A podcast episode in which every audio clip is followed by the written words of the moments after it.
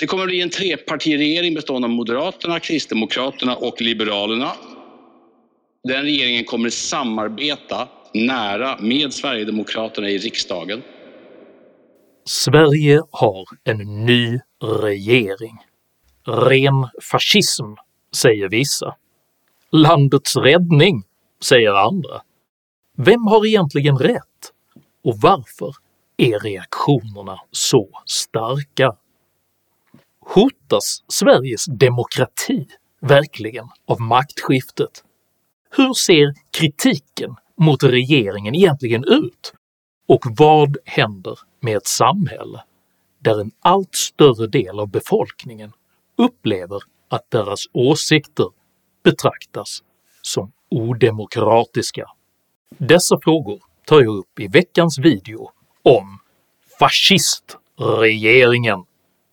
Gillar du mina filmer så hjälper du mig att kunna fortsätta göra dem om du stöttar mig via något av betalningsalternativen här nedanför. Det är endast tack vare ert generösa och frivilliga stöd som jag kan fortsätta att utveckla denna kanal, så ett stort, stort tack till alla de av er som bidrar. Jag släpper en aktuell ny video varenda lördagsmorgon klockan 08.00 svensk tid, så se till att prenumerera, bli notifierad och att följa min Substack. Idag talar jag om fascism, fiktion och framtid. Häng med!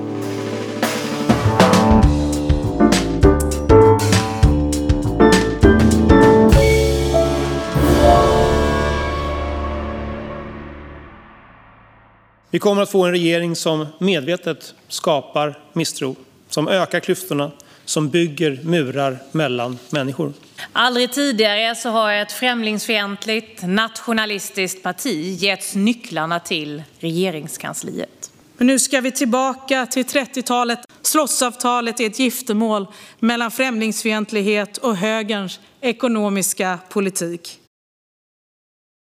Sveriges tillträdande regering har ansatts av mycket hård kritik, så till den milda grad att även själva statsministervoteringen präglades av turbulent aktivism. Det kommer att bli en trepartiregering bestående av Moderaterna, Kristdemokraterna och Liberalerna. Den regeringen kommer att samarbeta nära med Sverigedemokraterna i riksdagen. Är omröstningen avslutad? Ulf Kristersson, Svaret är... En förintelseöverlevare aldrig samarbetat med Sverigedemokraterna. Ja. Omröstningen var utförd. Du tog henne i hand! Du tog henne i hand! Denna infekterade konflikt springer ur uppfattningen att den tillträdande regeringens samarbete med Sverigedemokraterna är moraliskt oacceptabelt och inom delar av vänstern därför upplevs vara demokratiskt illegitimt. Ett exempel på detta är hur den avgående klimatministern Annika Strandhäll nyligen valde att reproducera en anklagande konspirationsteori signerad Aftonbladets kulturchef Karin Pettersson. Kvar står vi med slutsatsen “köpt propaganda” otillåten manipulation och hatdrev avgjorde sannolikt valrörelsen. Att tidningen Aftonbladet ägnar sig åt ren trumpism genom att påstå Sveriges valresultat vara en konsekvens av otillåten manipulation är illa nog. Men att ett avgående statsråd reproducerar denna konspiratoriska föreställning i både sociala medier och i nationell TV är faktiskt ett verkligt demokratiskt problem. Avgjorde otillåten manipulation valet? Nej, men det har man ju inte granskat. Vad hon efterlyser i den här och, och då undrar jag hur, krönikan hur, hur är ju att det borde granskas. Då undrar jag hur lämpligt det är att du som minister i en regering, en övergångsregering, ni har förlorat, just förlorat ett val, ja. eh, lägger upp, klipper ut det här och lägger det upp är inte det min, Det är inte min åsikt, det är hennes åsikt ifrån krönikan. Du säger, men du säger samtidigt att du vet inte om manipulation har avgjort. Tror du det? Nej, jag kan inte säga att, att jag... Det går ju omöjligt att svara på. Men det... funderar du och din sida någonting på din roll som minister när du lägger upp den här? Jag tror att det finns ett mycket större demokratiskt problem i att kvinnliga progressiva röster mobbas ut ifrån de här forumen.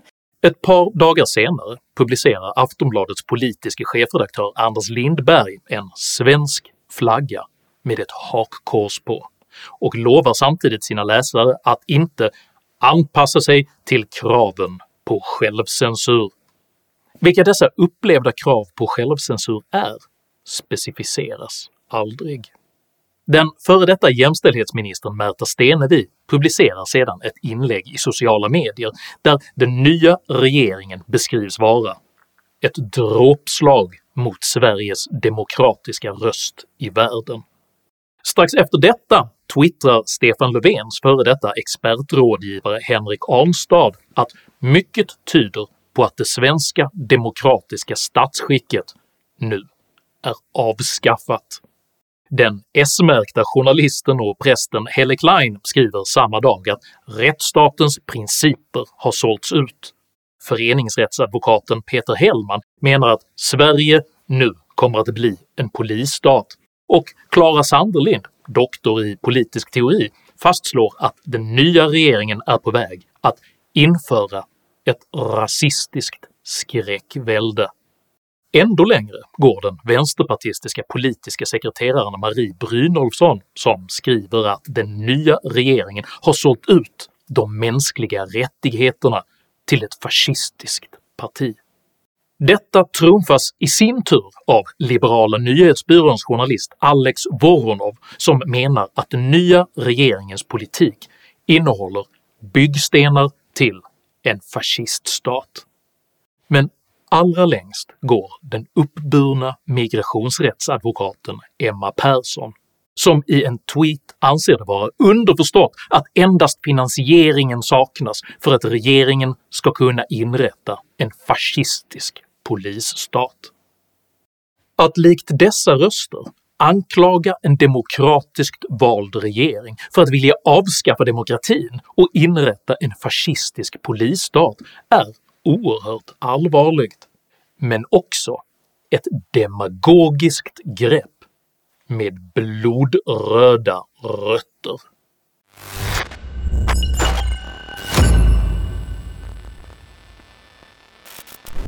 Under 1900-talet beskrev de kommunistiska öststaterna konsekvent de västerländska demokratierna som just fasciststater detta eftersom det legitimerade både inre och yttre repression i den socialistiska demokratins namn. I boken “Stalinism as a way of life” dokumenterar historikerna Louis Siegelbaum och Andrei Sokolov hur Sovjetunionens egna medborgare både varnade och anklagade varandra för västerländsk fascism. 160 skolbarn anklagades för att dela ut flygblad med fascistsymboler och avporträtterade folkfiender. Den yngsta medlemmen var 10-åriga Logunov som påstods ha ägnat sig åt kontrarevolutionärt arbete. Rektorsexpeditionen hyste uppenbart fascistiska böcker på finska, vilka borde ha rensats ut för länge sedan. På motsvarande sätt skildrar boken “Myten in der Politik der DDR” av politikprofessor Reinhard Zimmerung hur den tredje internationalens beskrivning av fascistbegreppet avsiktligt gick långt bortom dess gängse definition för att göra det möjligt att stigmatisera praktiskt taget all icke-kommunistisk inriktning som just fascistisk. Faktum är att det totalitära Östtyskland ända fram till Berlinmurens fall beskrev den som “der antifascistischer Schutzwall”. Propagandataktiken att med fascistanklagelser undergräva sina politiska meningsmotståndares demokratiska legitimitet har alltså djupa rötter inom socialismen, vilka under slagord som “inga fascister på våra gator” ännu förekommer inom den svenska ytterkantsvänstern. Anledningen till att lyfta fram dessa paralleller mellan östblockets propagandaretorik och Sveriges alarmistiska vänsterretorik är dock varken att förlöjliga eller ogiltigförklara deras känslor, utan att belysa utspelens maktpolitiska betydelse. För den bärande skillnaden mellan högerns och vänsterns rabulister är att de förra tenderar att vara fristående debattörer och privatpersoner, medan de senare ofta har höga ämbetsposter inom både politik, akademi, rättsväsende och media. Denna maktpolitiska förskansning av den alarmistiska retoriken går att spåra hela vägen tillbaka till valrörelsen 2014, då samme Arnstad, som nu spekulerar i demokratins undergång, lyckades övertyga statsminister Stefan Löfven om att Sverigedemokraterna borde beskrivas som ett nyfascistiskt parti. Det är inget ny, eh, nyfascistiskt Jo, och andra säger precis eh, annorlunda. Eh, historikern Henrik Arnstad har en annan uppfattning. Journalisten och historikern, han har en annan uppfattning. Han skrev en bok om Men det här vilket- kan för två mot- år sedan. Denna anklagelseretorik förstärktes sedan i paritet med Sverigedemokraternas opinionsmässiga framgångar där hotet mot Socialdemokraternas fortsatta maktinnehav och hotet mot Sverige som land alltmer flätades samman. Flera av de konservativa har gång på gång visat att de är inte att lita på för den här uppgiften. Det är många av dem som har gett upp kampen nu mot de högerextrema istället försöker använda deras röster för att själv komma till makten. Och sen fundera på hur man ska kunna kopiera deras retorik och till och med samarbeta om deras politik. Högerextremisterna, de behöver mer motståndare, inte kopior. 2021 fastslog statsministern slutligen det vara direkt fara och färde för vårt land om Sverigedemokraterna fick något som helst politiskt inflytande. Och då är det fara och färde för vårt land.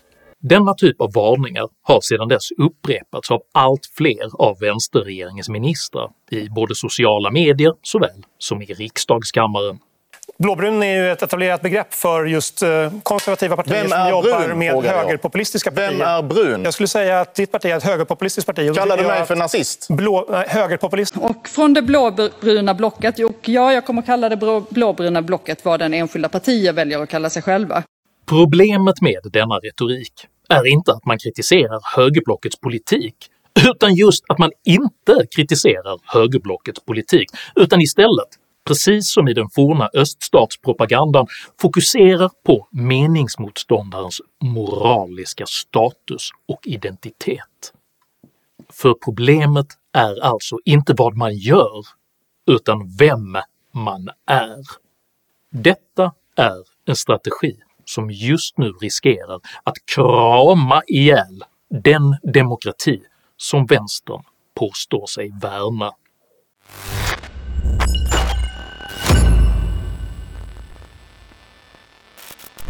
I stort sett hela den västerländska världen upplever just nu samma typ av politiska förändring, där stora befolkningsgrupper försöker rösta tillbaka de mer traditionella samhällsformer som man upplever sig ha förlorat till progressiva eliters sociala ingenjörskonst. Eller för att hårdra det, man ställer flintastek mot fittmössor. Man kan tycka vad man vill om denna verklighetsbild, men den är samtidigt en spegelbild av den progressiva rörelsens tendens att fascistanklaga allt och alla som inte är intresserade av gay Stålmannen-serier och feministisk snöröjning. Den trängda progressiva rörelse som i allt högre grad upplever alla andra vara fascister tenderar nu att försöka tillgripa lagen som redskap i ett bakvänt försvar av demokratin genom att helt enkelt försöka göra det demokratiskt omöjligt att avskaffa deras egen politik. Det låter naturligtvis oantastligt när Centerpartiet vill grundlagsskydda demokratin, Socialdemokraterna vill grundlagsskydda public service och den tidigare Aftonbladet-skribenten Lina Stenberg menar sig vilja grundlagsskydda både mänskliga rättigheter, minoriteters och religiösa rättigheter. Men vad betyder egentligen dessa krav? För både demokratin och de mänskliga rättigheterna är redan inskrivna i den svenska grundlagen och public service styrs av sändningstillstånd som löper på sex och snart åtta år långa perioder, varefter riksdagen måste godkänna ramarna för nästa tillstånd. Samtliga av de efterfrågade grundlagsskydden gäller i själva verket progressiva tolkningar av vad som anses bör ingå i demokratin, de mänskliga rättigheterna och i public service uppdrag, vilka man helt enkelt vill skydda från en demokratisk opinion som man ogillar. Men man försvarar inte demokratin. Genom att göra det demokratiskt omöjligt att pröva andra problemförklaringar än just socioekonomiska faktorer, och det innebär inget skydd av demokratin. Att en allt större del av befolkningen istället upplever att deras åsikter betraktas som odemokratiska. Tvärtom leder detta till att ett allt obegripligare demokratibegrepp urholkas och ifrågasätts. För ytterst har aldrig den alarmistiska vänsterns retorik handlat om att skydda verklig demokrati från verkliga fascister, utan endast om att en demokrati utan exakt den värdeordning som vänstern själv företräder anses oacceptabel och därför, precis som i Sovjetunionen och Östtyskland, beskrivs som fascistisk. Allt detta är naturligtvis mycket allvarligt. Men avslutningsvis vill jag ändå rikta en positiv appell till dig som tittar. Alarmisternas polariserande retorik är förvisso ett allvarligt problem på både höger och vänstersidan, men dessa röster utgör faktiskt bara en högljudd minoritet. Beakta därför hur ödmjukt de avgående ministrarna Ardalan Shekarabi och Eva Nordmark gratulerar och lyckönskar sina efterträdare. Detta är ett sant uttryck för demokratisk respekt där ämbetet överordnas personliga meningsskiljaktigheter. Var därför som Shekarabi och Nordmark, inte som Strandhäll och Johansson, för vi vinner aldrig den frihetliga demokratins seger genom att vara värre, utan bara genom att vara bättre. Om du uppskattade innehållet i denna video så hjälper det mycket om du delar den med dina vänner och kanske till och med stöttar mitt arbete via något av betalningssätten här nedanför. Dela gärna med dig av dina egna åsikter och erfarenheter i kommentarsfältet här nedanför, men jag ber dig att alltid vara artig. Jag accepterar inte aggression, personpåhopp eller rasism i mina idédrivna kommentarsfält. Tack för att du som kommenterar respekterar detta. Jag heter Henrik Jönsson och jag företräder en respektfull demokratisk dialog utan överord. Tack för mig och tack för att du har lyssnat.